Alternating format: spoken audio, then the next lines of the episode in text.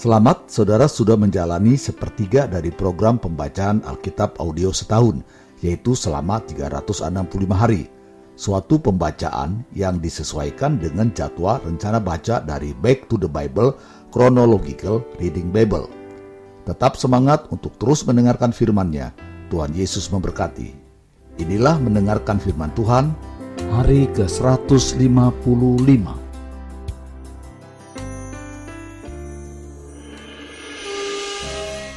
Amsal pasal 4 ayat 1 sampai 27. Nasihat untuk mencari hikmat. Dengarkanlah hai anak-anak, didikan seorang ayah dan perhatikanlah supaya engkau beroleh pengertian. Karena aku memberikan ilmu yang baik kepadamu. Janganlah meninggalkan petunjukku. Karena ketika aku masih tinggal di rumah ayahku sebagai anak, lemah dan sebagai anak tunggal bagi ibuku. Aku diajari ayahku, katanya kepadaku, biarlah hatimu memegang perkataanku. Berpeganglah pada petunjuk-petunjukku, maka engkau akan hidup. Perolehlah hikmat, perolehlah pengertian, jangan lupa dan jangan menyimpang dari perkataan mulutku. Janganlah meninggalkan hikmat itu, maka engkau akan dipeliharanya. Kasihilah dia, maka engkau akan dijaganya. Permulaan hikmat ialah, perolehlah hikmat dan dengan segala yang kau peroleh, perolehlah pengertian. Junjunglah dia, maka engkau akan ditinggikannya. Engkau akan dijadikan terhormat apabila engkau memeluknya. Ia akan mengenakan karangan bunga yang indah di kepalamu mahkota yang indah akan dikaruniakannya kepadamu. Hai anakku, dengarkanlah dan terimalah perkataanku, supaya tahun hidupmu menjadi banyak. Aku mengajarkan jalan hikmat kepadamu. Aku memimpin engkau di jalan yang lurus. Bila engkau berjalan, langkahmu tidak akan terhambat.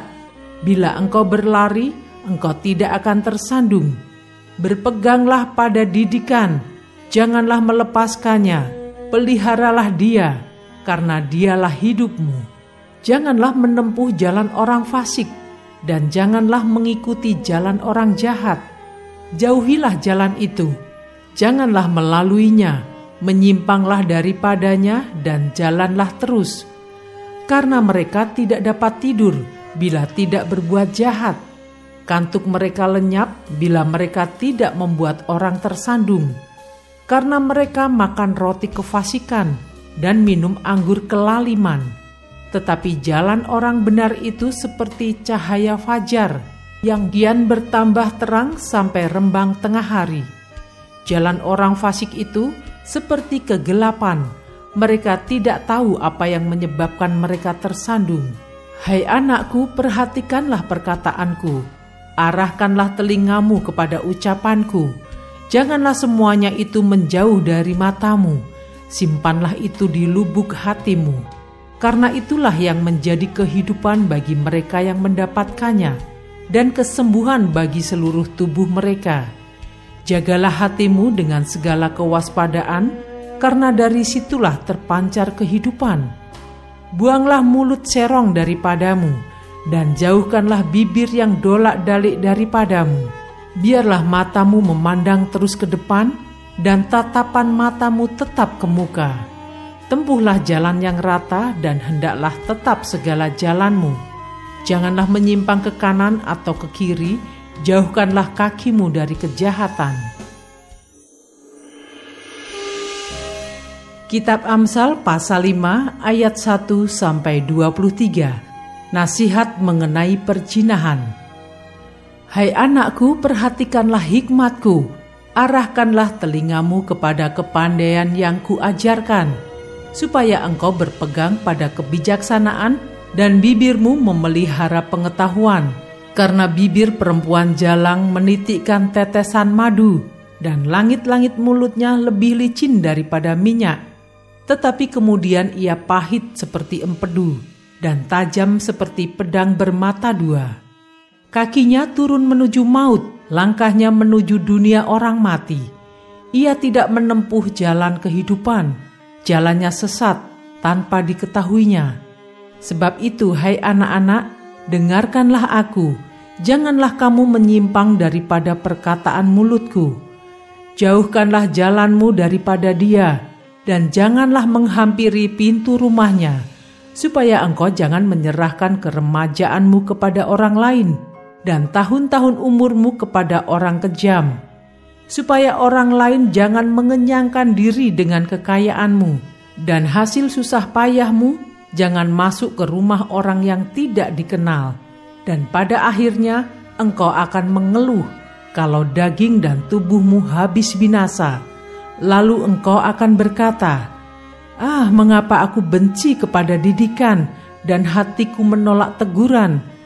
Mengapa aku tidak mendengarkan suara guru-guruku dan tidak mengarahkan telingaku kepada pengajar-pengajarku?" Aku nyaris terjerumus ke dalam tiap malapetaka di tengah-tengah jemaah dan perkumpulan. Minumlah air dari kulahmu sendiri, minumlah air dari sumurmu yang membual. Patutkah mata airmu meluap keluar seperti batang-batang air ke lapangan-lapangan? Biarlah itu menjadi kepunyaanmu sendiri, jangan juga menjadi kepunyaan orang lain. Diberkatilah kiranya sendangmu, bersukacitalah dengan istri masa mudamu. Rusa yang manis, kijang yang jelita, biarlah buah dadanya selalu memuaskan engkau, dan engkau senantiasa birahi karena cintanya. Hai anakku, mengapa engkau birahi akan perempuan jalang dan mendekap dada perempuan asing? Karena segala jalan orang terbuka di depan mata Tuhan, dan segala langkah orang diawasinya orang fasik tertangkap dalam kejahatannya dan terjerat dalam tali dosanya sendiri. Ia mati karena tidak menerima didikan dan karena kebodohannya yang besar ia tersesat. Amsal pasal 6 ayat 1 sampai 19. Berbagai-bagai nasihat. Hai anakku, jikalau engkau menjadi penanggung sesamamu dan membuat persetujuan dengan orang lain, jikalau engkau terjerat dalam perkataan mulutmu, tertangkap dalam perkataan mulutmu, buatlah begini, hai anakku, dan lepaskanlah dirimu, karena engkau telah jatuh ke dalam genggaman sesamamu. Pergilah, berlututlah, dan desaklah sesamamu itu. Janganlah membiarkan matamu tidur, dan kelopak matamu mengantuk, Lepaskanlah dirimu seperti kijang daripada tangkapan, seperti burung daripada tangan pemikat. Hai pemalas, pergilah kepada semut, perhatikanlah lakunya dan jadilah bijak.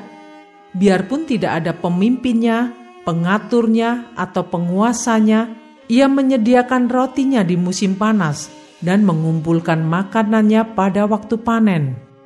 Hai pemalas, berapa lama lagi engkau berbaring? Bilakah engkau akan bangun dari tidurmu?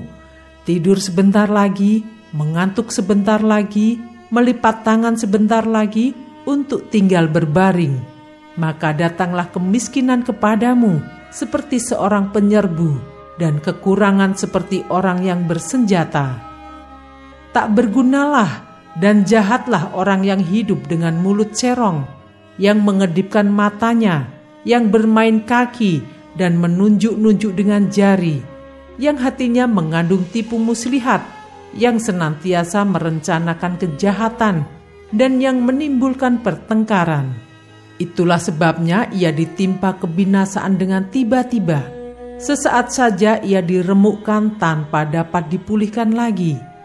Enam perkara ini yang dibenci Tuhan, bahkan tujuh perkara yang menjadi kekejian bagi hatinya mata sombong, lidah dusta, tangan yang menumpahkan darah orang yang tidak bersalah, hati yang membuat rencana-rencana yang jahat, kaki yang segera lari menuju kejahatan, seorang saksi dusta yang menyembur-nyemburkan kebohongan dan yang menimbulkan pertengkaran saudara.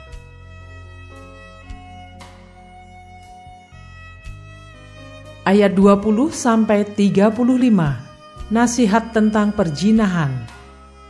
Hai anakku, peliharalah perintah ayahmu dan janganlah menyia-nyiakan ajaran ibumu. Tambatkanlah senantiasa semuanya itu pada hatimu, kalungkanlah pada lehermu. Jikalau engkau berjalan, engkau akan dipimpinnya. Jikalau engkau berbaring, engkau akan dijaganya. Jikalau engkau bangun, engkau akan disapanya.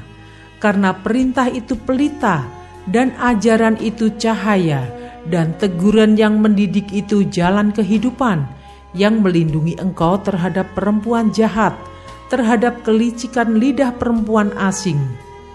Janganlah menginginkan kecantikannya dalam hatimu, janganlah terpikat oleh bulu matanya, karena bagi seorang sundal sepotong rotilah yang penting, tetapi istri orang lain memburu nyawa yang berharga. Dapatkah orang membawa api dalam gelumbung baju dengan tidak terbakar pakaiannya? Atau dapatkah orang berjalan di atas bara dengan tidak hangus kakinya? Demikian juga orang yang menghampiri istri sesamanya. Tiada seorang pun yang menjamahnya luput dari hukuman. Apakah seorang pencuri tidak akan dihina apabila ia mencuri untuk memuaskan nafsunya karena lapar? dan kalau ia tertangkap, haruslah ia membayar kembali tujuh kali lipat. Segenap harta isi rumahnya harus diserahkan. Siapa melakukan jinah tidak berakal budi. Orang yang berbuat demikian merusak diri. Siksa dan cemooh diperolehnya, malunya tidak terhapuskan. Karena cemburu adalah geram seorang laki-laki. Ia tidak kenal belas kasihan pada hari pembalasan dendam ia tidak akan mau menerima tebusan suatu pun, dan ia akan tetap bersikeras betapa banyak pun pemberianmu. Tetap semangat, teruskanlah mendengarkan firman Tuhan. Sampai jumpa esok hari.